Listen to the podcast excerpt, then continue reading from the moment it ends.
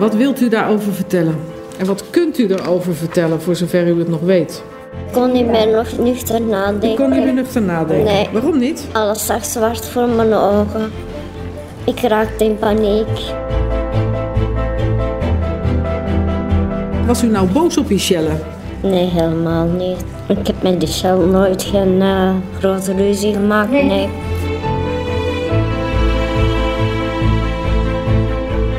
En dus is de vraag, wilt u vertellen wat er echt is gebeurd?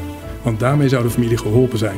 Mevrouw de voorzitter, ik heb vandaag en eerder de twee verklaringen de waarheid verteld.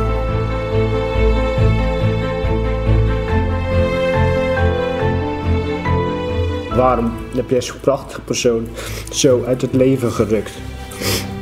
Haal ons uit deze veel te lange emotionele achtbaan en geef ons nou de kans om ons verdriet en gemis te verwerken. Jij, Sandra, jij hebt mijn dochter vermoord. Mijn vlees en bloed. En waarom? Omdat ze niet voor jou wilde kiezen? Mijn eigen ogen zien hoe zo dun het was. De vuilniszakken met peper eromheen. Zo heb je mijn kind achtergelaten, Sandra. Dat zal ik je nooit vergeven.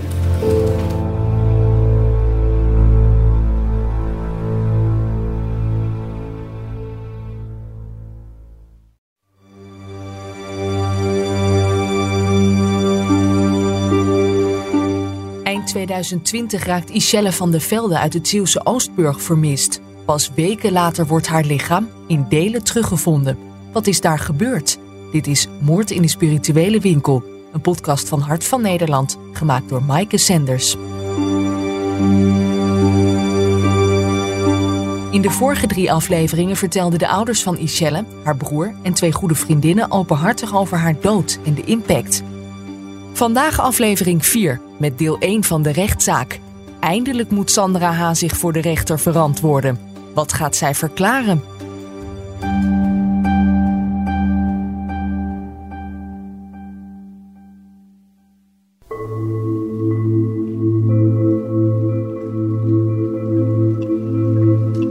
Het is 8 november 2022, 693 dagen nadat Ischelle vermist raakte. Vandaag is dé dag. In de rechtbank in Middelburg zal verdachte Sandra H. eindelijk terechtstaan voor de moord op haar vriendin en mede-ondernemer uit Oostburg. Het is de eerste keer dat de Belgische moeder van negen kinderen voor de rechter zal verschijnen.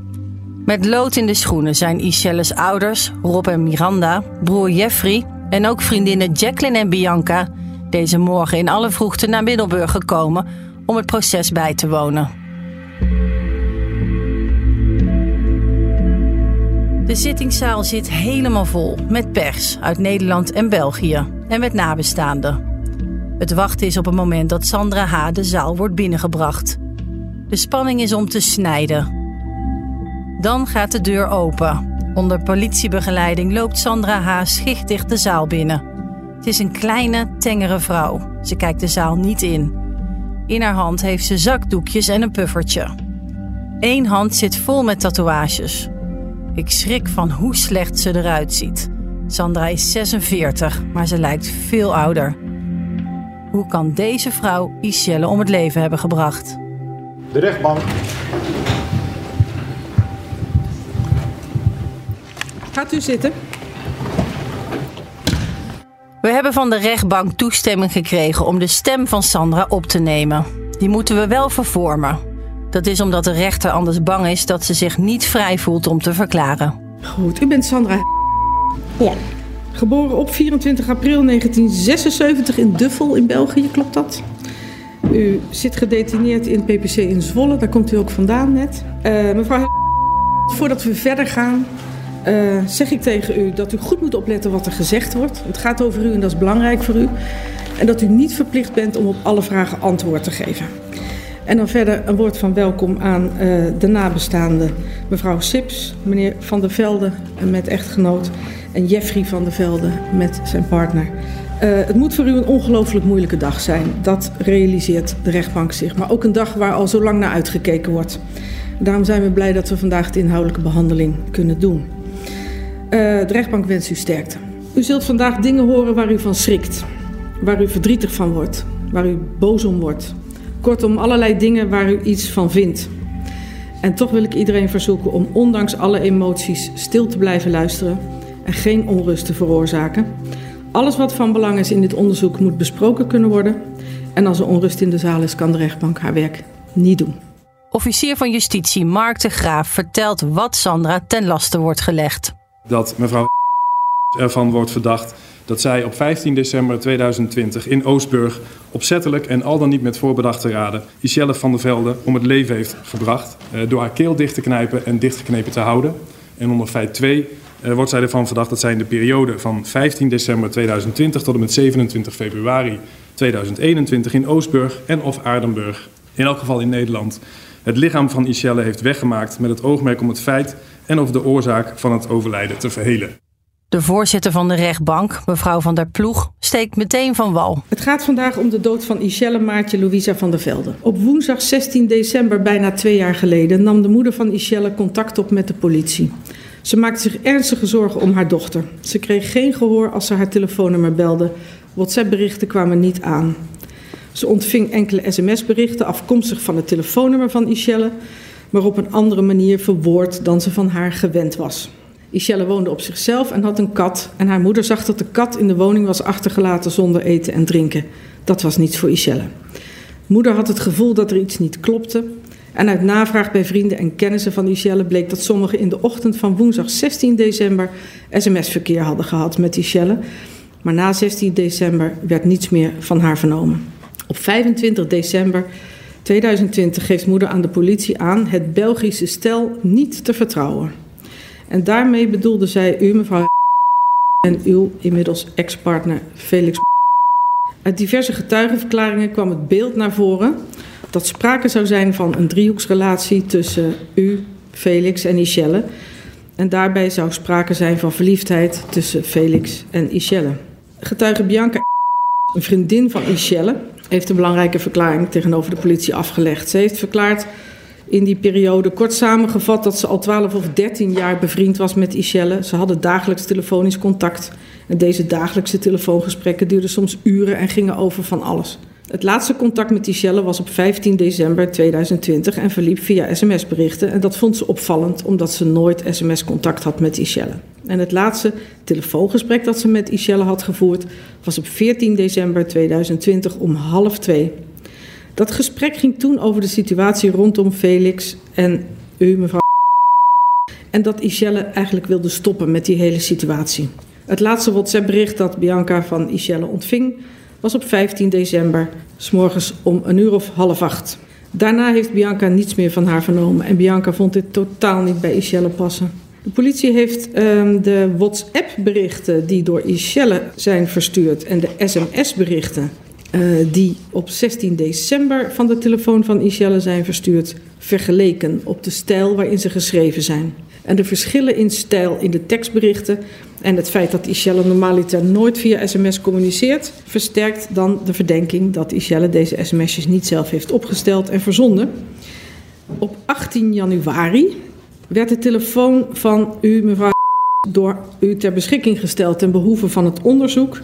En bij een eerste blik op het taalgebruik uh, van u waren de gelijkenissen zichtbaar tussen de berichten van uzelf en de sms-berichten die met de telefoon van Ischelle waren verstuurd. Ook vriendin Jacqueline legt een belangrijke verklaring af bij de politie. Zij spreekt Ischelle nog laat in de avond op 14 december 2020, een dag voordat Ischelle verdwijnt. Het ging toen over de relatie met Felix en dat ze een grote ruzie had gehad met Sandra, met u. Die Sandra die had Ischelle voor van alles uitgemaakt en uitgescholden, vertelde ze tegen de politie. Ze had begrepen dat Sandra op 12 december voor de deur van Ischelle stond, dat ze wilde blijven slapen, dat ze Ischelle uiteindelijk had overtuigd en dat ze toen een soort van goed weer uit elkaar waren gegaan. Ze vertelde de politie dat ze had begrepen dat u heel boos geweest was op Ischelle, omdat uh, Felix op haar verliefd was geworden en zij op hem. Nou, dat alles bij elkaar geruchten over een driehoeksverhouding, spanning door de verliefdheid van Ischelle en Felix, de sterke gelijkenissen tussen de teksten van de sms'jes van de telefoon van Ischelle en het taalgebruik van uzelf. En berichten over een flinke ruzie tussen u en Ischelle, vermoedelijk op 12 december. Dat heeft geleid tot de verdenking waarop is gevolgd de aanhouding van u op 9 februari 2021. En daarbij heeft de politie uw woning in Aardenburg en uw winkeltje in Oostburg doorzocht. Diezelfde dag op 9 februari hebben speurhonden bloedgeur en lijkengeur in de keuken onder en nabij de tafel gevonden. Er is een monster van het tapijt met bloedsporen met spoed op DNA onderzocht en diezelfde dag bleek dat het bloedspoor voor 100% overeenkwam met het DNA van Ischelle. Vanaf dat moment, 9 februari, acht weken na haar verdwijning, werd er van uitgegaan dat Ischelle niet meer in leven was. Twee dagen later is Felix, uw ex-partner, uh, gehoord. zijn heel veel getuigen gehoord, maar deze verklaring is van belang, omdat hij vertelde dat uw zoon en zijn zoon, 13 jaar toen, tegen hem had verteld dat hij in die periode daarvoor samen met u naar de garage was gegaan. Waar uh, jullie meerdere lakens die bij de hoeken aan elkaar waren geknoopt hadden opgepakt. En in die lakens zou iets zwaars hebben gezeten dat ontzettend zou hebben gestonken.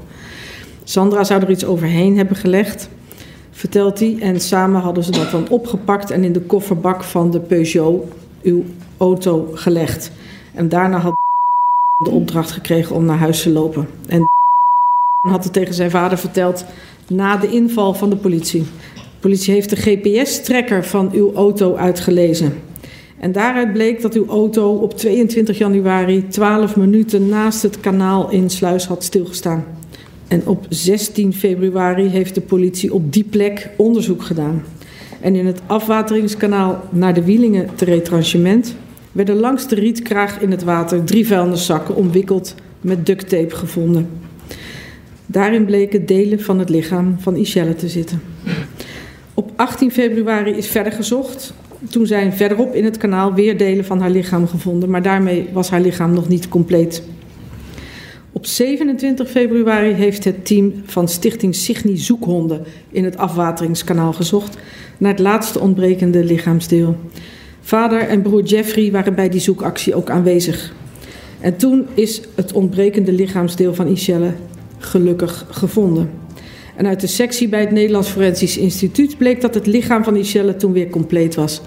Maar wel ruim tien weken na haar vermissing. We hebben in het dossier een sectierapport. En de conclusie is, ik zeg het maar in gewoon Nederlands. Michelle kan door verwurging om het leven zijn gebracht. En het kan dat zij bewusteloos is geweest omdat de kracht is uitgeoefend op haar rechteroogkas. En uit de sectie bleek ook dat de lichaamsdelen gescheiden waren door zagen. En er zijn ook haksporen waargenomen. Ja, en daar wordt het dan tijd, vindt de politie, dat u een verklaring gaat afleggen, mevrouw. Want u heeft eerst gezegd niets met de verdwijning en de dood van Ishelle te maken te hebben en volkomen ten onrechte vast te zitten. Maar geconfronteerd met de vele bevindingen uit het onderzoek, waaronder de verklaring van heeft u uw verhaal veranderd en gezegd dat u door Felix werd gedwongen om de sms-berichten vanaf de telefoon van Ishelle te versturen. En u heeft gezegd dat Felix u op een gegeven moment uit bed haalde met de mededeling dat u de volgende dag naar de garage moest gaan en het laatste stuk maar moest opruimen. En hij zou daarbij hebben gezegd, heeft u tegen de politie verklaard, dat als hij Ishelle niet kon krijgen, dan u ook niet. En u had dat niet durven weigeren omdat u bang was dat u haar kinderen kwijt zou raken. Vanaf 8 april 2021 heeft u zich verder beroepen op uw zwijgrecht en is dit verhaal blijven staan. Tot meer dan een jaar later, 14 april van dit jaar, we waren bijna toe aan de inhoudelijke behandeling. En toen heeft u tegenover de rechtercommissaris een andere verklaring afgelegd, waarin u heeft verteld dat u alleen en alleen u betrokken was geweest bij en verantwoordelijk was voor de dood van Ishelle en het wegmaken van haar lichaam. En dat is gelijk mijn eerste vraag aan u. Blijft u daarbij dat u de enige bent die daarbij betrokken is geweest en daarbij verantwoordelijk is geweest? Ja, klopt. Ja?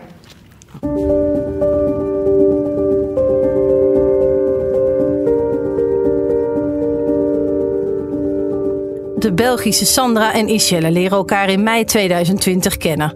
Als Sandra een spiritueel winkeltje opent in het Zeeuwse Oostburg. Het zit in dezelfde straat als waar het naaiatelier van Ishelle zit. Pins en needles. Er ontstaat na een paar maanden een hechte vriendschap. De twee drinken vrijwel dagelijks een kopje koffie bij elkaar. Michelle heeft Sandra in vertrouwen verteld dat ze eerder ervaring heeft gehad met seks met een vrouw. Sandra is daar erg geïnteresseerd in en stelt Michelle uiteindelijk voor om een trio te hebben. Samen met haar man Felix erbij, met wie de relatie al een hele tijd in slecht weer zit. Op 21 november 2020 is het zover. Ze spreken af in het huis van Sandra en Felix in Aardenburg. Dat trio dat is niet geworden wat u ervan had verwacht. U heeft zich daar een beetje van gedistanceerd. en Misschien heeft u zich een beetje buitengesloten gevoeld. Maar in elk geval blijkt daarna dat Felix en Ishelle op elkaar verliefd zijn geworden. Eigenlijk blijkt dat al een beetje de dag erna.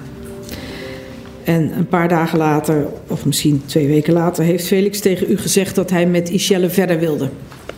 En niet meer met u. Was u nou boos op Ishelle? Nee, helemaal niet. Want u heeft steeds gezegd dat dat niet zo was. Maar dan vertel ik wel even dat er in het dossier uh, WhatsApp-gesprekken tussen u en Ishelle zitten. waarin u vraagt om duidelijkheid. U vraagt zich af uh, hoe u zich moet voelen. na het lezen van de berichten van de avond daarvoor. En Ishelle zegt dan dat ze verliefd is geworden en het spijt haar dat ze niet hetzelfde voor u voelt. En uh, dan zegt u in die berichten dat u destijds had voorgesteld om het een keer met z'n drieën te proberen, omdat u dat niet zonder Felix kon. En dat u dacht dat u Ishelle hierin kon vertrouwen. Maar dat het uiteindelijk op heel wat anders is uitgedraaid. En uh, ja, dan zegt u in een bericht dat u denkt dat Ishelle maar op één ding uit was bij dat trio. En dat u hoopt dat ze van alles geniet. En als ik dat zo lees, dan denk ik, nou, dat is een beetje een rare toon van die berichten. Is dat nou sarcasme? Is dat nou boosheid? Nee, dat is niet boosheid of sarcasme. Nee? Nee. Wat was het dan? Op een gewone toon. Een gewone toon. Want was u verdrietig? Was u in paniek? Was u ontregeld in die periode? Nee, Weet u dat nog? Nee, helemaal niet. Want ik was al een hele tijd um, van Felix gescheiden, ja. laat ik het zo zeggen. U was ook van plan om ergens anders te gaan wonen met een aantal van uw kinderen, ja, geloof ik, hè? Ja. Ja. Ik heb met die Shell nooit geen uh, grote ruzie gemaakt. Nee. Ik zou het me wel kunnen voorstellen, weet u? Want u woonde nog wel met Felix samen. Ja, maar we sliepen niet meer uh, nee. samen. Maar dan wil je toch met z'n drieën die trio doen.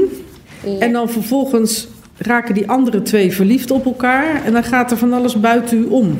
Nou, er zijn uh, voldoende redenen om daar niet heel blij mee te zijn, denk ik. Um, ten eerste was ik er dan gewoon uh, dat Felix bij andere vrouwen ging. Ja. Het teerde me eigenlijk al sowieso nee. niet. Nee.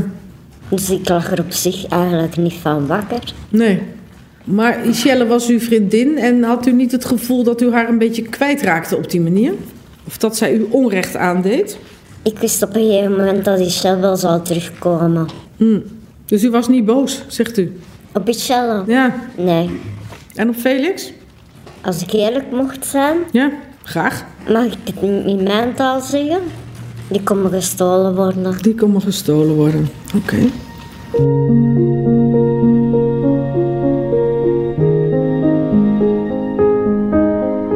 Eigenlijk het belangrijkste waarvoor heel veel mensen vandaag ook in deze zaal zijn en meekijken, is de vraag: wat is er nou eigenlijk precies gebeurd op 15 december 2020? Want u heeft gezegd tegen de rechtercommissaris: nee, dat is de dag dat Ishelle overleden is.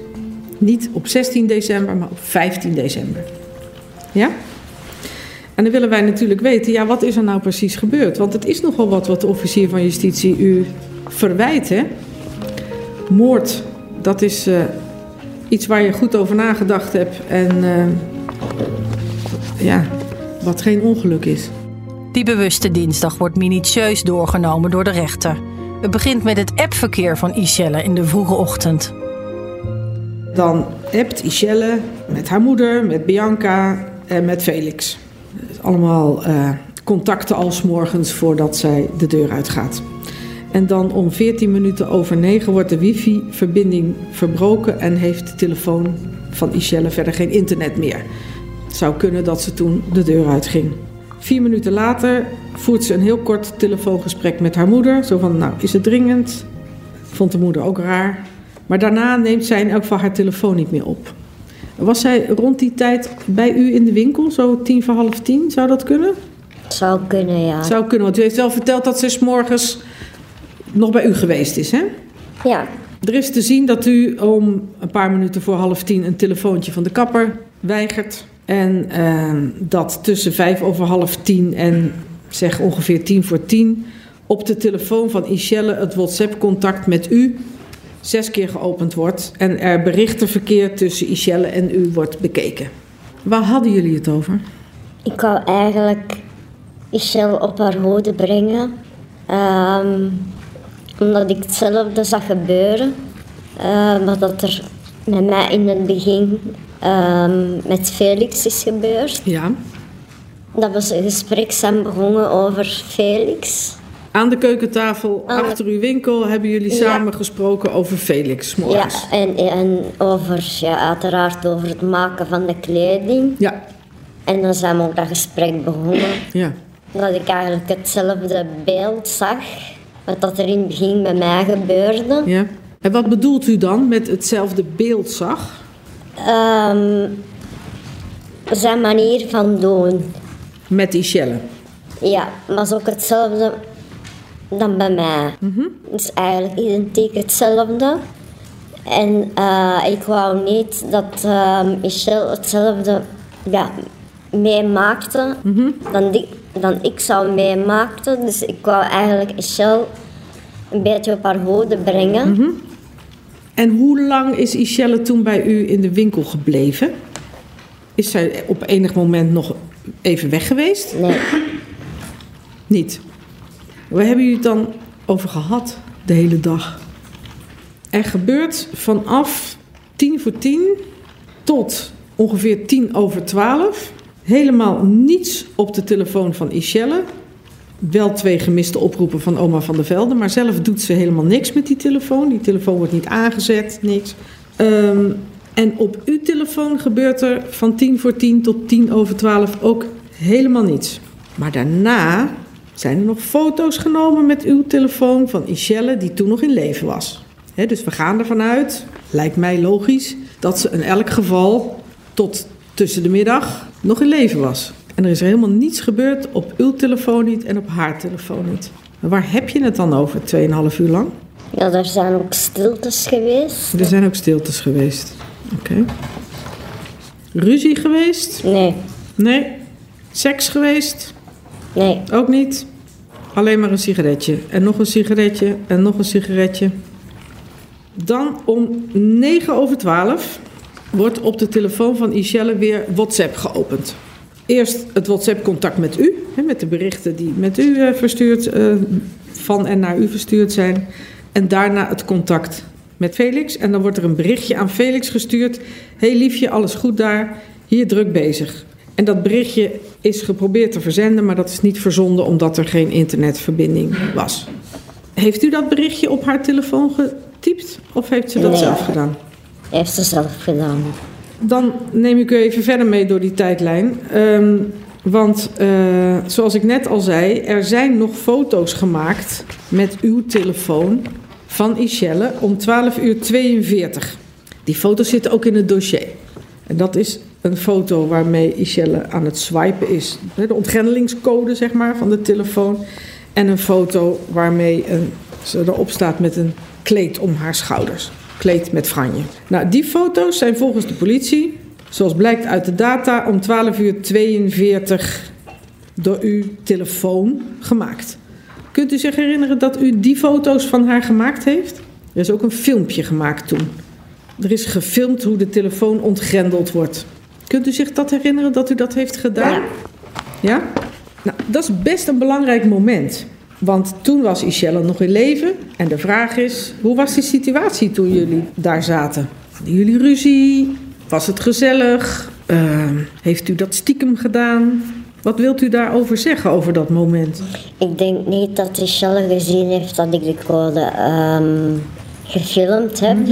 Want dat is eigenlijk de bedoeling eh, als ze achteraf eh, terugkwam om een keer terug de berichten te bekijken. Ja, U wilde in haar telefoon kunnen om te Ja. kijken wat voor berichten ze had gekregen van Felix. ja, En verstuurd misschien ook wel. ja. Had u toch ook om kunnen vragen? Ik wil het eigenlijk achter haar rug omdoen. U wilde het stiekem Om, doen. eh, om haar te ja, beschermen. Om, om haar te beschermen. Oké. Nou zegt de politie dat ze dat, die foto met dat kleed om de schouders, dat ze dat een rare situatie vinden. Ja, klopt. Ja. Maar eh, Want dat was een groot rond kleed, hè? Van badstof, als ik het goed begrijp. Met allemaal franje eraan, een soort tafelkleed. ja, Klopt dat? ja, de politie beweert dat je daar iemand mee kan vastbinden. Ja, maar daar kom ik zo op. Maar vertel eens van dat kleed. Hoe, hoe komt zo'n kleed nou om de schouders van Michelle? Eh, ze had het erover gehangen, Want? Wie doet er nou een kleed over zijn schouders? omdat ehm, ze het koud had. Ehm, dat hing in de keuken. Ik durf dat ook over mijn schouders doen. Als ik in de keuken aan het werken was achter mijn laptop. Ehm, ik had wel meerdere van die dekens.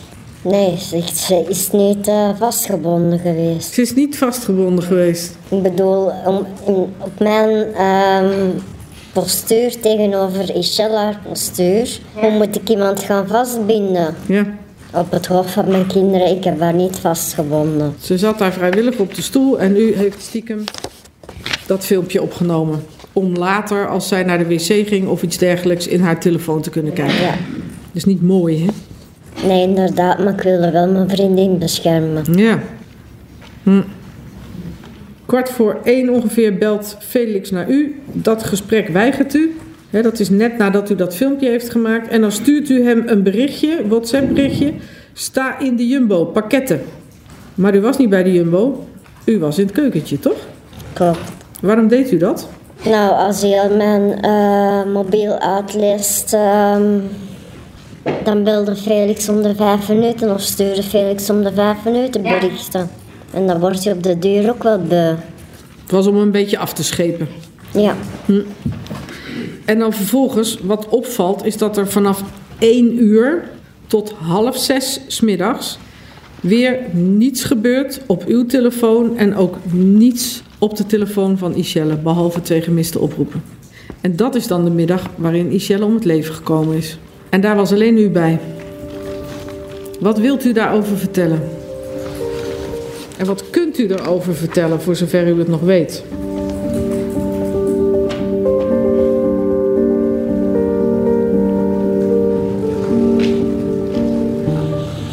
we waren een sigaretje aan het roken. We zijn toen naar de wasbak gegaan. En toen wilde Ishelle weggaan. Ja, u bent niet verplicht hè, om die vraag te beantwoorden. Wilt u het? Wilt u het proberen? Dan wacht ik nog even. Het was een tijdje nadat u gefilmd had. Jullie stonden op. Jullie stonden bij het aanrecht. We zijn in discussie geraakt. Ja. Ishelle vond dat u zich te veel met haar bemoeide. Ja, Ja. ik heb een duw gehad. Ja, ze heeft u van zich afgeduwd, heeft u gezegd bij de rechtercommissaris. Ja, klopt. Ik ben tegen de koelkast aangevlogen. Op de grond. U stond een beetje wankel, dus u bent omgevallen. Ja, Ja. mijn hoofd tegen de koelkast en zo met mijn, met mijn lichaam de grond op. En dan met mijn pink tegen de deur, eh, kozijn aan. Heeft u pink bezeerd, hè? Ja. En dan keek Michel even naar mij en dan heeft ze zich omgedraaid. En iets in mijn hoofd heeft gezegd van die krijg je terug terwijl dat ik iemand ben dat nooit iemand pijn zou doen. Tot dan toe. En dan ben ik recht gestaan en dan heb ik een duw teruggegeven en dan is Michel eh, met haar hoofd tegen de, de rand van de verwarming gevallen. Wat u bij de rechtercommissaris verklaard heeft, dat is zoals u het vandaag ook wil vertellen. Ja, En toen? Ze is met haar hoofd tegen de radiator gevallen, zegt u, tegen de punt van de radiator. Gaan we het straks over hebben, hè? of dat kan of niet, maar even uw, uw verhaal. En wat toen? toen is ze tussen de kast en de radiator gezakt. Ja, En dan ben ik op de grond gaan zitten, dan heb ik haar omgedraaid, dan was ze bewusteloos. ja. En dan ademde ze bijna niet meer. Hoeveel tijd zat er tussen? Tussen de val en dat u haar omdraaide? Een geringe tijd. Oké, hoe gering? Een uurtje? Nee, heel kort. Heel kort. Gelijk of niet gelijk? Of heeft u eerst nagedacht? Nee, ik heb, eh, ben gelijk gaan zitten. Oké, u heeft haar omgedraaid en u zag dat ze bewusteloos was. Ja, Nou, dan denk ik 112 bellen. ik Heeft kon niet meer nog nuchter nadenken. kon niet meer nuchter nadenken. Nee. Waarom niet? Alles zag zwart voor mijn ogen. Omdat ze bewusteloos was. Ik raakte in paniek. En toen? Heb ik zachtjes haar keel dichtgekregen.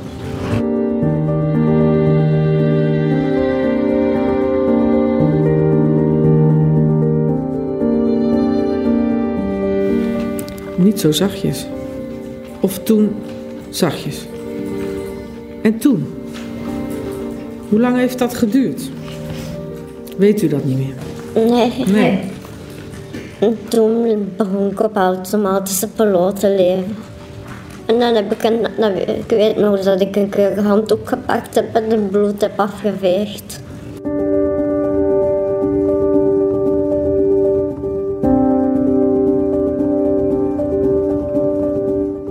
Rechter wil het nu met Sandra hebben over een belangrijke getuige. Een Belgische biologielerares die zegt dat ze die middag in het spirituele huisje Lotus is geweest. Sandra ontkent dat. Mevrouw zegt wel dat uw winkel donker was toen ze binnenkwam. Maar dat de deur wel open was. Mijn deur was gesloten. Ja. Het zou heel erg goed kunnen kloppen dat mevrouw daar wel was. Qua tijdstip klopt het met alles wat zij in haar agenda had en dat soort dingen. Ehm, en u zegt ook niet dat het de dag ervoor of de week ervoor of de dag daarna was dat mevrouw is geweest, hè?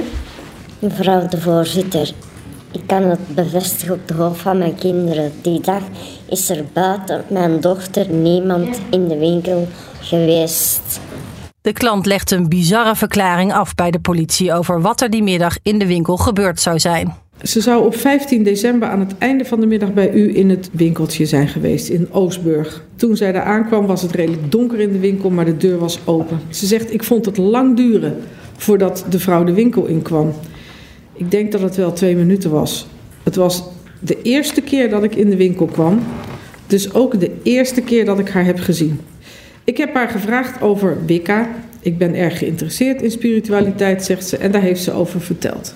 Ze vroeg of ik mee in de koven wilde, maar daar ben ik niet in geïnteresseerd. Kunt u zich zo'n gesprek op een andere dag met een Belgische mevrouw herinneren? Nee. Er zijn nooit zulke gesprekken geweest. Buiten, Michel was daarin geïnteresseerd. Oké. Dan zegt mevrouw. eh, toen zei ze: Je energie is niet zo goed. Je ziet er niet zo goed uit. Ik zei dat dat klopte omdat ik moe was. Toen zei ze dat ze heel gevoelig was en de energie van mensen oppikte en daar ook therapieën voor aanbood. En ze wees en ze zei dat ze dat hier deed. Praktijkruimte achter uw winkel. Ik was daarin niet geïnteresseerd, zegt mevrouw. En toen zei ze tegen u: Je ziet er zelf ook niet zo goed uit. Dat is haar verklaring, hè? En dan zegt ze: Ja, ze zegt: Ja, dat klopt. Ik ga een zware tijd tegemoet. En ik vroeg wat zij, mevrouw, bedoelde. En dan zei ze: Een zware tijd, want ik ga een tijdje naar de gevangenis. En dan zegt mevrouw: Ik dacht, die is nuts. Dus ik zeg: Goh, de gevangenis. Ze zegt: Ja, ik heb waarschijnlijk of ik heb misschien iemand vermoord. Exacte woord misschien of waarschijnlijk weet ze niet meer zeker. Dus ik zei: Allee, zo erg kan het toch niet zijn? En ik geloofde haar niet. En toen zei ze: Jawel, ik ga een zware tijd tegemoet. Zeker zes maanden gevangenis. En er is nog iets gebeurd, zegt ze. Ik stond nog bij de kassa. Zij stond nog daar tussen de kassa en de deur in voor het gordijn. En toen hoorde ik iemand achter het gordijn kreunen. Het kreunen duurde best lang. Ik denk ongeveer 10 seconden, het kan ook 7 geweest zijn.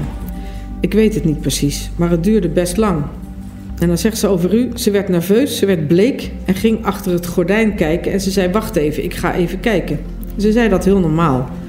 En even later kwam ze terug en zei dat het in orde was.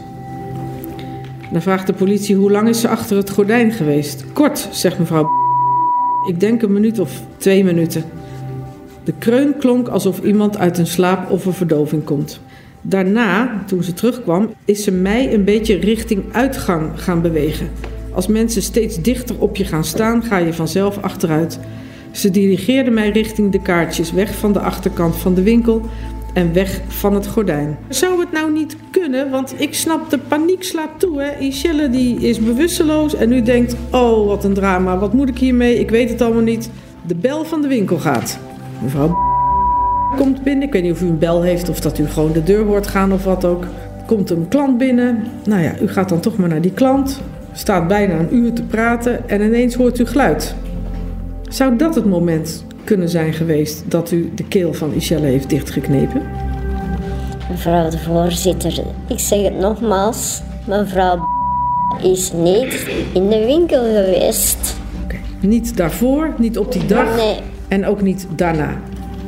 Om half zes is er pas weer activiteit te zien op zowel de telefoon van Sandra als van Ishelle.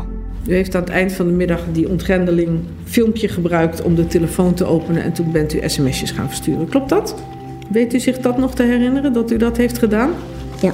Die sms'jes die u verstuurd heeft, waarom heeft u dat nou gedaan? Om de mensen niet ehm, in paniek te laten. ehm, ja, hoe zeggen ze dat? De laatste wordt om kwart voor zeven verstuurd aan oma van der Velde, Felix, Bianca, moeder. Nou, allemaal tussen acht minuten voor zes en kwart voor zeven. En dan om elf voor zeven vertrekt uw auto en uw telefoon naar Aardenburg. En de telefoon van Ishelle ook. Dus die heeft u denk ik dan meegenomen. Klopt dat? En dan gaat u naar huis. En om tien voor half acht ontgrendelt u die telefoon weer en stuurt u berichten naar Felix. Klopt ook? Het gaat eigenlijk de hele avond zo door. Heel veel berichten naar Felix. Waarin ja, u doet alsof Ishelle de relatie met hem verbreekt. Waarom? Omdat ze er niet meer was. Omdat ze er niet meer was. Waarom dan berichten dat ze het Ik wilde? heb geen idee waarom dat, Geen idee. nee, Nee. waarom dat ik dit gedaan heb. En nou lag Ishelle toen in uw winkel, overleden. Geen enkel moment gedacht, nou moet ik toch de politie bellen, of nou moet ik toch iets gaan doen? Nee, had angst om mijn kinderen kwijt te raken. Ik was in paniek. Ja, maar paniek is, iets, het is een kortdurende toestand, hè? Ik geloof niet dat je acht weken lang in paniek kunt zijn. Op een gegeven moment ga je nadenken, toch? Ik leefde in een andere wereld. En in wat voor wereld dan? Want er was iets gebeurd en u had een gigantisch probleem. Dat is moeilijk te verwoorden. Ja, dat begrijp ik wel. Goed, u heeft net gezegd, Ishelle en ik stonden op. Ze vond dat ik me te veel met haar bemoeide. Er waren nog meer mensen die zich te veel met haar bemoeiden. Daar werd ze een beetje ongeduldig van, hè? ongemakkelijk van, heeft u ook wel verklaard. En eh, ze gaf me een duw en ik was wank, stond wankel op mijn benen. Dus ik viel om, mijn pinkpijn gedaan en ik dacht, die krijg je terug. Bent u opgestaan, heeft haar een flinke duw gegeven die zij niet aan zag komen. Want het was tegen haar rug, heeft u verteld. En u zegt ze valt met haar rechteroog op de punt van de verwarming. En dat is dan het moment dat ze bewusteloos is. Het volgende moment is natuurlijk het moment dat, ze, dat de keel wordt dichtgeknepen. Dat is het moment waarbij ze overlijdt. Nou heeft de officier van justitie een deskundige rapportage eh, aan het dossier laten toevoegen een paar weken geleden van een deskundige radioloog Hofman. En die heeft eh, gezegd dat het waarschijnlijker is dat het letsel aan de oogkas van Michelle ontstaan is door stomp mechanisch geweld van buitenaf. Dan door een val tegen de rechterpunt van de radiator. Dus die deskundige zegt, nou, vind ik niet zo waarschijnlijk. En op verzoek van uw advocaat is er een eh, tweede deskundige rapportage toegevoegd aan het dossier van mevrouw Nieën, ook radioloog. En zij komt tot de conclusie dat aan de hand van de CT-beelden die in het eh, dossier zitten en de andere informatie die ze gebruikt heeft, dat er geen onderscheid te maken is of het letsel is ontstaan door, zoals u zegt, de val tegen de rechterpunt van de radiator of door een andere oorzaak. Dus de deskundigen zijn het er niet helemaal over eens. Dus u zegt het was een ongeluk. Ik had er niet moeten duwen, maar ik heb het wel gedaan. En toen was ik in paniek en toen heb ik de keel dichtgeknepen. En u zegt dat heb ik meteen gedaan. En het is niet zo dat mevrouw er tussendoor geweest is en dat Ishelle toen nog leefde, weer bijkwam en dat ik toen daar keel dichtgeknepen heb. Nee, er is niemand in mijn winkel geweest. Er is niemand in de winkel geweest, zegt u.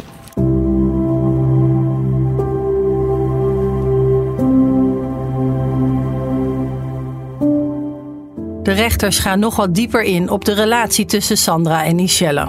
Sandra blijft zeggen dat ze niet boos op haar was en haar vriendin wilde beschermen tegen Felix. Ik heb in de loop der jaren heel veel meegemaakt. En ik wilde niet dat, dat dit met Michelle ook gebeurde. We waren vriendinnen en ik heb me er ook bij neergelegd dat ze een relatie hadden en dat heb ik ook gezegd. En dan nog iets, hè. Er zit een proces verbaal in het dossier waarop blijkt dat u op of voor 13 december Michelle in uw telefoon heeft opgeslagen onder de naam Trut. Kunt u daar wat over zeggen? Uh, nee. Allee, ja, eigenlijk wel. Want als u goed kijkt, um, en dat is iets wat ik niet gedaan heb, zijn dat hele mooie en prachtige berichten. Als je die leest. Waarom zou ik die berichten als trut noemen? Dat weet ik niet. Maar misschien zei het wel iets over uw emoties naar Michelle toe en niet over die, uw emoties bij die berichten. Ik zou niemand trut noemen op zulke berichten. En wie heeft dat dan gedaan in uw telefoon? Dan denk ik dat u dat bij iemand anders moet gaan zoeken. En bij wie zou ik dat moeten zoeken? Dan denk ik dat u naar België zal moeten gaan. En wat, wie zou ik in België dan moeten opzoeken? Ik denk dat u dat beter weet dan ik. U wijst de vinger naar iemand die in uw telefoon de naam van Ishelle in Trut veranderd zou hebben. Dus ik wil wel graag weten wie u dan bedoelt.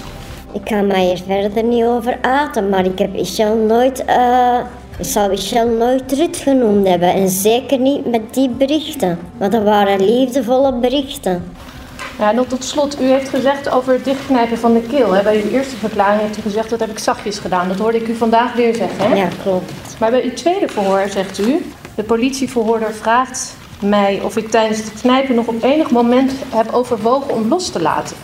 En dan antwoordt u daarop, ja, maar ik was zo verstijfd dat ik mijn hand niet los kreeg. Hoe moet ik me dat voorstellen? Dat ik al op automatische piloot zat.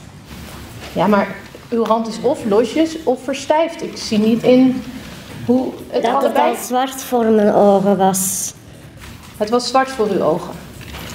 Ik kon die moment niet meer nuchter nadenken. Nee, maar u weet wel nog heel goed dat het zachtjes was dat u kneep. Ja. Dat is toch wel moeilijk, hè? Dat u dat stuk dan wel zeker weet, maar eigenlijk voor de rest geen vragen daarover kan beantwoorden. Ik leg uit hoe ik het ervaar. Mm Ja, wij proberen dat te begrijpen, hè? Maar als u enerzijds zegt, ja, ik heb zachtjes geknepen, het was maar kort. En anderzijds zegt, ja, ik was zo verkrampt, ik kreeg mijn hand niet meer los. Dan, dan kan ik mij dat moeilijk voorstellen. Op dat moment bevroor u. Ja. Dus tijdens het knijpen. Toen kon u niet meer nadenken en loslaten. Nee. En hoe verklaart u dat? Kan ik geen antwoord op geven. Ja. De officier houdt Sandra een pijnlijk detail voor over de avond dat zij, Ishelle en Felix een trio hadden. U heeft bij de rechtercommissaris verteld dat u tijdens dat samen zijn, op 21 november was dat, ehm, dat u op een gegeven moment naar het toilet bent gegaan. En dat u toen u terugkwam, dat u zag dat zij toen geslachtsgemeenschap hadden met elkaar. Ja. En u zegt bij de rechtercommissaris dat u toen bent gaan kijken. Dat klopt toch? Dat u dat heeft gezegd. Ehm, wat voelde u op dat moment? Weet u dat nog? Want dan ga ik er even vanuit wat u zojuist zei. Het was niet uw bedoeling dat Felix mee zou doen. Laat staan dat Felix alleen iets met Ishelle zou doen. En nou komt u terug van het toilet. En nou zijn ze opeens met z'n tweeën geslachtsgemeenschap met elkaar aan het hebben. Wat doet dat met u? Nou, op die moment, ik ben op de bank... Nee, ik ben eerst naar boven gegaan. Want er was iemand van de kinderen wakker geworden. Ja. Dan ben ik uh, een sigaret gaan roken. En dan ben ik op de bank gaan zitten. En dan was het al bijna klaar, maar het deerde me eigenlijk niet veel. Het deed u niet veel? Nee. Op een gegeven moment, toen u werd geconfronteerd met wat er uit het onderzoek bleek, vlak nadat u was aangehouden, heeft u eerst ontkend en vervolgens in de richting van Felix gewezen. Wat was uw bedoeling met het wijzen naar Felix? Geen idee. Want het is nogal wat, hè? Als je, een, als je weet dat je zelf als enige verantwoordelijk bent, want u wist dat natuurlijk altijd al. U wist dat u als enige verantwoordelijk was voor de dood van Michelle. En u wijst naar Felix. U zegt dat Felix u erin luistert. En daarmee lijkt u te willen zeggen dat Felix Michelle om het leven zou hebben gebracht. Dat is toch heel vals, zou ik zeggen. Geen idee. Nou, dat vind ik eerlijk gezegd een beetje te makkelijk dat u nou zegt geen idee. U beschuldigt uw bijna ex-man van een levensdelict. Daar heeft u toch een idee bij? Waarom heeft u dat gedaan? Ik kan er geen antwoord op geven, want ik weet er geen antwoord op.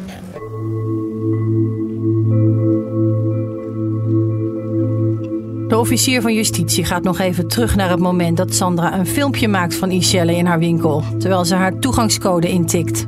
Nadat u dat filmpje heeft gemaakt, zei u: hebben jullie een sigaretje gerookt? Hebben jullie het sigaretje uitgedrukt in de asbak die in de wasbak stond?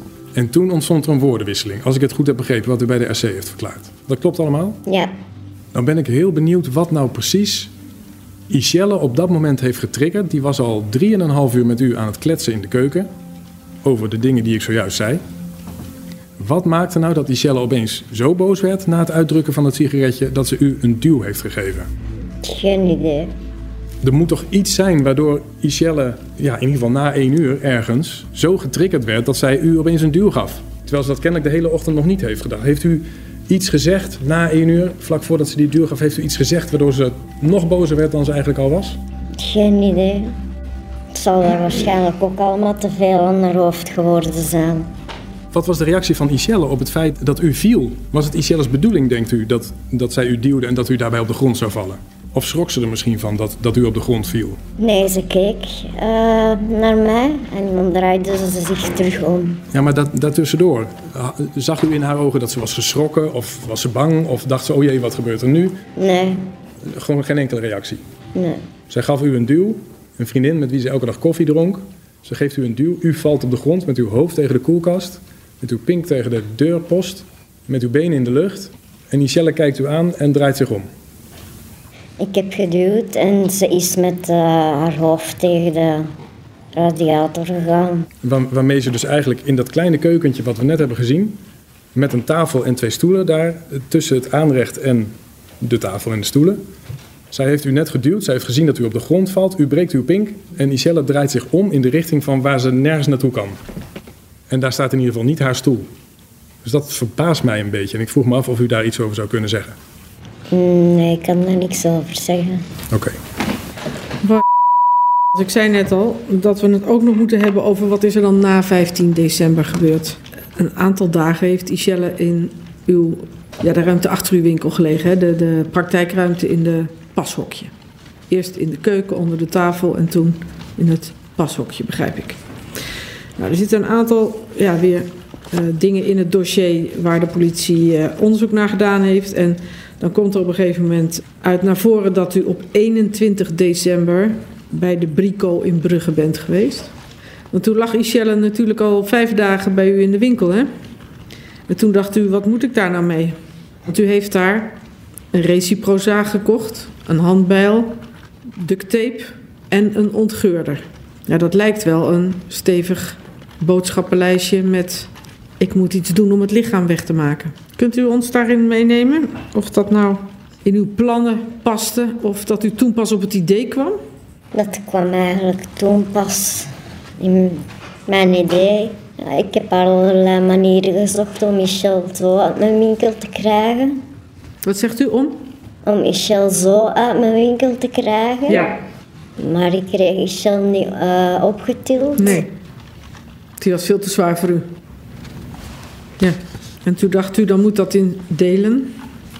Dat is akelig om aan terug te denken, hè? Vindt u moeilijk? Ja. Want op 21 december heeft u die dingen gekocht. En hoe lang heeft dat nou geduurd voordat u die ook bent gaan gebruiken? Weet u dat nog ongeveer? Ik denk een paar dagen later. 21 december, een paar dagen later, zegt u. Dus dat moet dan nog voor de kerst geweest zijn. Het zou kunnen, ja. Op zondag 3 januari zijn de moeder en de broer van Ishelle nog bij u in het spirituele huisje Lotus geweest. Tussen 10 en 11 uur s morgens. 3 januari. Dus dat is alweer 2,5 week nadat Ishelle overleden was. En heb ik nou goed begrepen dat Ishelle toen nog in het pashokje lag, helemaal heel? Ja, Ja. Ik heb begrepen dat Jeffrey ook nog rondgekeken heeft of hij haar ergens zag, maar u had er allemaal dozen voor gezet, begrijp ik hè? En was daar nou ook die ontgeurder voor?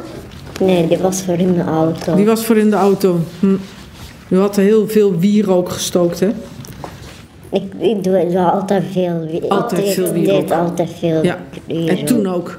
Ja. Ik verkocht sowieso veel wierook. Ja. Jawel, maar ik heb het natuurlijk over dat als je iemand al 2,5 week in, dood in je winkel ligt, dat dat ook wel onaangenaam kan gaan ruiken. Maar niemand heeft iets geroken, want alles rookt naar wierook. Klopt dat? Het zou kunnen, ja. Zou kunnen. Hm. Op die 3 januari heeft u, begrijp ik, dus nog met de moeder en de broer van Ishelle zitten praten over waar ze zou kunnen zijn en over de zoekacties. En dan moeten zij zich achteraf realiseren dat ze daar toen bij u zaten te praten met degene die hun dochter en zusje heeft gedood. En die wist dat ze daar een paar meter verderop lag. Dat is toch te bizar voor woorden. Wilt u daar eens op reageren? Ik kan alleen maar zeggen, als ik eens chillen naar plaats kon innemen, zou ik het zo doen. Maar daar zijn ze niet mee geholpen, hè? Nee. Nee, want dat kan niet. Het wordt broer Jeffrey even te veel. Hij stormt de zaal uit. Nou, dan heeft de politie gezien, dat heb ik al helemaal in het begin verteld, dat op 14 januari dat uw auto naar die noordelijke kanaalweg rijdt. Daar 14 minuten stilstaat en dat dat de plek is waar later delen van Michelle zijn teruggevonden. Eh, dus dat is alweer een maand nadat Michelle verdwenen is. En dan hebben we uw zoon van 13.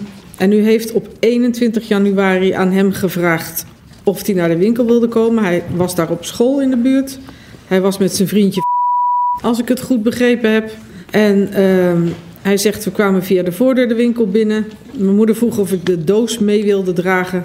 Ik heb die doos toen met haar op de passagiersstoel gezet. Het was de enige doos die in de auto gezet is. Het was een bruine doos, gesloten met duct tape, denk ik, zegt hij. Mijn moeder zei dat er spullen in zaten voor het nieuwe huis, maar volgens mij was dat niet zo, want ik hoorde geen spullen. En het was heel zwaar. was ook in de winkel en eh, die heeft zelfs ook even meegeholpen. Dus er zijn twee jongetjes die meegeholpen hebben om ja, eigenlijk het laatste en grootste deel van Ishelle eh, in uw auto te zetten. In een dichtgetapte doos. Op de passagiersstoel. Klopt dat? De auto stond bij de voordeur van de winkel, zegt. eh, en ik zag verder niks staan. En mijn moeder zei dat ze naar huis ging en ze reed weg. En wat er dan gebeurt, is dat de dag erna, op 22 januari, dat u smiddags via Facebook aan vraagt of hij naar de garage achter de woning, althans in Aardenburg, wil komen.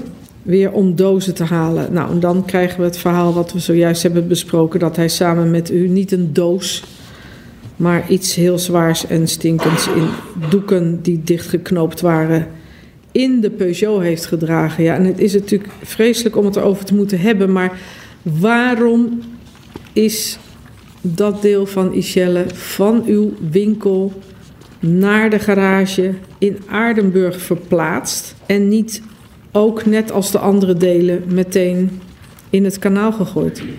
Kunt u ons dat vertellen? Geen idee meer. Het lijkt wel of u, of u geen afscheid kon nemen op de een of andere manier, of u niet los kon laten. Heeft u daarover nagedacht? Waarom dat nou was? Dan met die doos kon ik niet goed rijden in de auto. Nou, wel van Oostburg naar Aardenburg. Ja, in tweede versnelling. Ik raakte in derde versnelling met die doos. En waarom dan daar naar de garage en niet de doos een beetje verschoven? Omdat mijn auto dan niet meer dicht ging. Hm. Nou goed, die tweede dag, dan eh, als u geholpen heeft, dan eh, is te zien dat u die dag twee keer bij het kanaal bent geweest en tussendoor naar de Jumbo. En de tweede keer staat de auto 12 minuten stil. Waarom niet gelijk de eerste keer gedumpt? Geen idee. En dan rijdt u nog eens terug en dan haalt u toch het, ja, dat zware stuk van die Shell uit de auto. Heb geen idee meer wat er die dag gebeurd is. Die Shell weg, opgeruimd, alles schoongemaakt in het winkeltje. Alle spullen weggegooid, kleding weggegooid, allemaal in jumbo-tassen, in de kliko. Alles weg. Had u het idee dat het niet uit zou komen? Nee, helemaal niet. Nee. En nee, dit was niet mijn voorbedachte raden. Nee.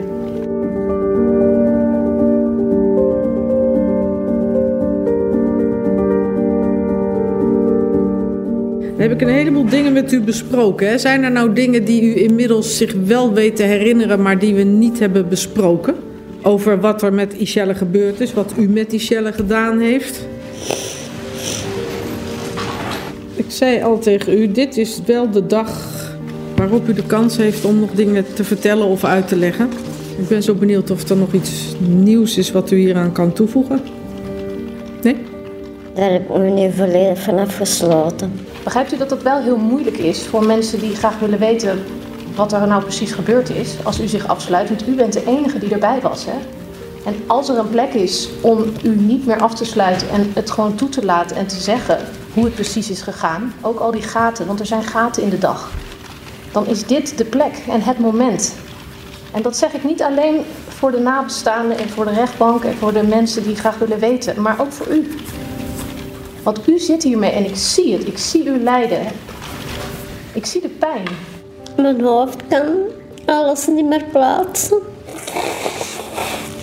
Is er nog iets? Ik weet dat het niet, eh, dat het me niet in dank zal afgenomen worden. Maar ehm, ik wil toch mijn medeleven betonen aan de familie en vrienden en kennissen Michel. Nu is het moeder Miranda die het niet meer trekt en tijdelijk de zaal verlaat. Daarnaast wil ik mijn ex-man bedanken dat hij met de gevoelens van mijn kinderen speelt. Ja, mevrouw, dit was natuurlijk niet de kans. Nee, maar ik wil het toch zeggen. De vraag is natuurlijk, is er iets wat u nog wil zeggen in relatie tot wat er gebeurd is met Ishelle?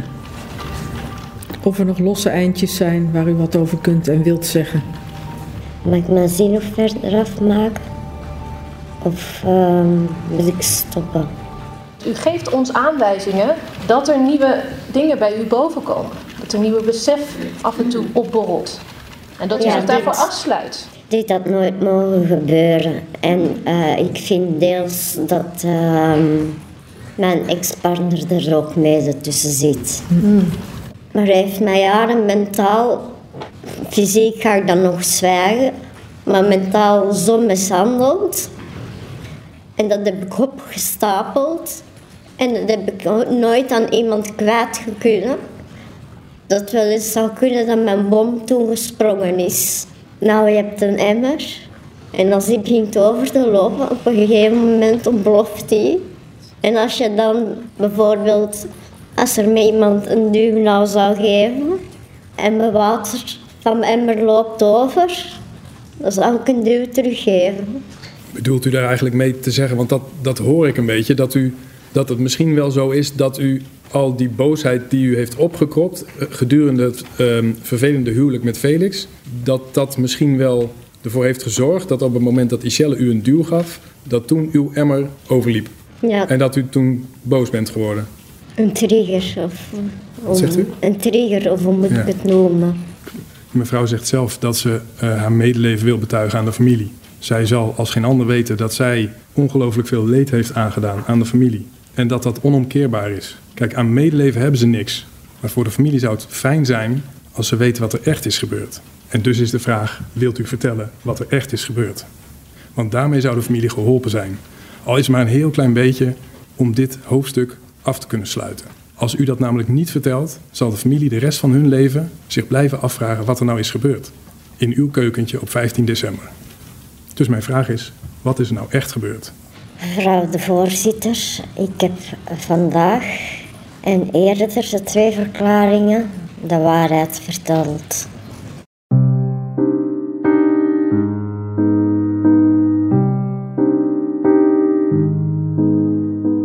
Na de feitenbehandeling krijgen de nabestaanden nog de mogelijkheid om een slachtofferverklaring voor te lezen.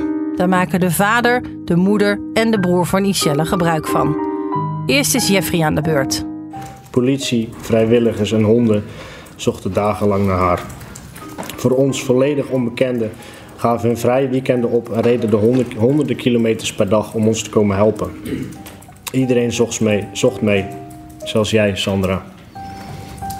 Je nodigde mij uit op 3 januari Op de dag dat Signy voor het eerst kwam zoeken naar Richelle, met meerdere lijkenhonden voor de deur, liet jij je winkel zien.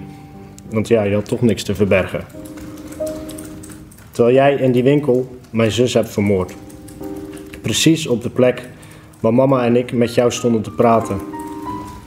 Mijn zus die je op 15 december om het leven hebt gebracht, terwijl ik 10, ve- 10 meter verder bij oma op de koffie zat en buiten in de tuin even samen stonden te roken. Ik heb zelfs nog voor jouw deur gestaan om te kijken of ik haar zag. Jij hebt niet alleen Michelle haar leven beëindigd, maar zoveel meer levens kapot gemaakt. Twee ouders hun dochter ontnomen. Mij en mijn broertje, een grote zus, een nicht, een kleindochter, een vriendin.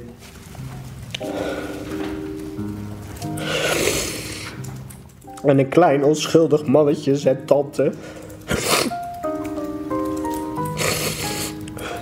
Een tante die hij alleen zal kennen van foto en verhalen. Maar waar hij nooit mee zal kunnen spelen.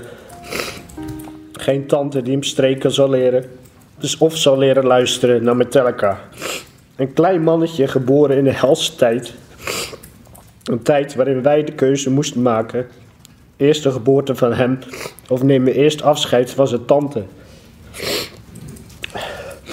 Sandra, ondanks al jouw leugens en bedrog, vraag ik jou om ons eindelijk de waarheid te geven. Wat is er gebeurd die dag en waarom heb jij zo'n prachtige persoon zo uit het leven gerukt? Dus daarom kijk je aan en vraag ik jou om de waarheid te vertellen. Ons en de rechtbank te vertellen wat er nou echt gebeurd is. Haal ons uit deze veel te lange emotionele achtbaan en geef ons nou de kans om ons verdriet en gemis te verwerken.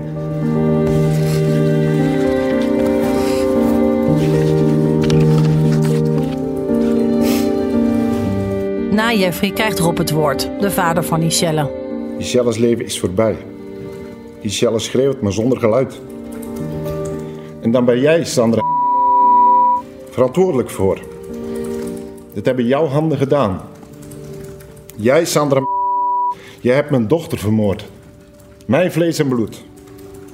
Jij hebt mij laten zoeken in het water naar delen van mijn dochter.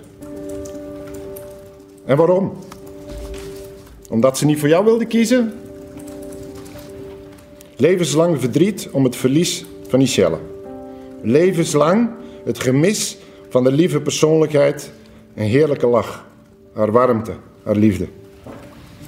En levenslang staat er een lege stoel aan onze tafels. Vanaf het eerste moment dat Jeffrey me belde om te vragen of ik wist waar Michelle was, is mijn leven, ons leven, in een milliseconde omgeslagen. In één klap kom je in een wereld die niet meer van jou is. Alles verandert.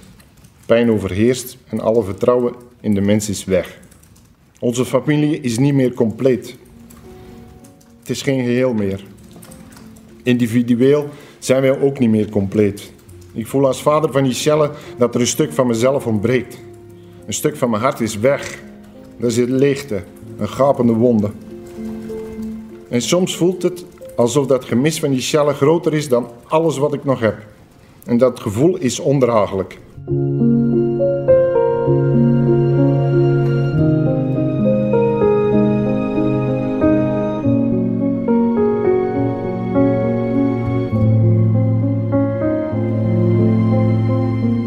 Als laatste houdt Iselles moeder Miranda een indrukwekkend betoog. Ze richt zich rechtstreeks tot Sandra. Je hebt een zaag naar iemands lichaam gezet. Je hebt met alle delen, van haar lichaam in je handen gestaan. En ze in vuilniszakken gestopt en weken in een winkel verborgen. En daarna heb je auto aan de kant van het water gezet en alles zo in het water geduwd. Een mens, mijn kind, mijn alles. Alsof je gewoon de vuilnisschip buiten zet. Medogeloos en mensonterend. Er zijn geen woorden voor te vinden. Mijn eigen ogen gezien hoe ze gedumpt was. In vuilniszakken met peper eromheen. Zo heb je mijn kind achtergelaten, Sandra. Dat zal ik je nooit vergeten. De dood van mijn meisje, de gruwel waarop. De zorg om Jeffrey, mijn eigen wanhoop, angst en verdriet. Het hele onderzoek, de vele vragen en alle ontbrekende puzzelstukjes kostten me alles. Onafhankelijkheid, mijn gezondheid, mijn zelfvertrouwen en ook mijn baan. wilde niet opgeven. Vol goede moed geprobeerd aan het werk te blijven. Maar nu moest ik opgeven en hulp vragen aan vader. Voor mij had het leven op dat moment geen zin meer. Mocht voor mij voorbij zijn. Maar toch heb ik de kracht gevonden om verder te gaan. Met de woorden die Isel altijd zei. Man, je kan het. Jij hebt er bewust voor gekozen om mijn kind van het leven te beroven. Alles wat je daarvoor daarna hebt gedaan, getuigt voor mij van psychopathisch gedrag en gewetenloos handelen. En kom niet aan met spijtbetuigingen of schuldgevoel, want daar geloof ik helemaal niets van. Zult maar iets van dat zou hebben gevoeld, had je anders gehandeld. Hier moet ik meer leren leven, Sander, door het toedoen van jou. Je bent zelf moeder. Door jouw toedoen zijn jouw negen kinderen nu ook slachtoffer en voor het leven getekend. En ook zij hebben dat niet verdiend. Je hebt er geen seconde aan gedacht wat dit voor anderen betekent. Wat je hebt veroorzaakt. Het allerergste wat je Isella en iedereen die van haar hield hebt afgenomen. Door jouw egoïsme, jouw haat, jouw jaloezie of wat je redenen dan ook waren. Hiervoor mag jij van mij de hoogste straf krijgen die er bestaat. En dat zal nooit genoeg zijn. Mijn straf is zwaarder dan die van jou ooit zal zijn. Als je mij mijn kind hebt afgepakt op deze manier, dan kom je als moeder nooit meer overheen. Mijn leven zal nooit meer hetzelfde worden. Mijn hart zal nooit meer heel worden. Mijn prachtige meisje komt nooit meer terug.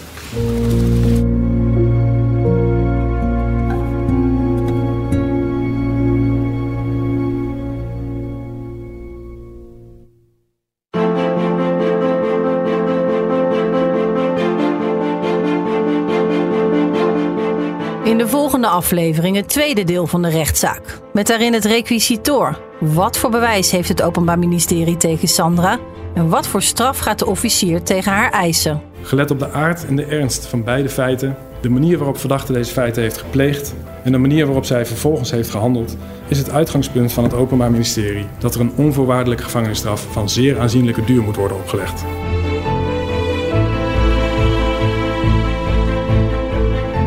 En de advocaat van Sandra houdt zijn pleidooi en legt uit hoe hij naar de zaak kijkt.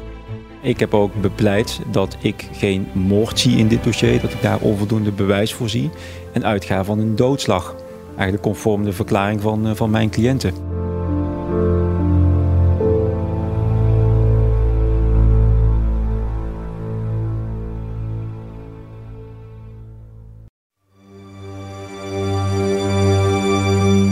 Dit was Moord in de Spirituele Winkel. Een podcast van Hart van Nederland, gemaakt door Maaike Senders.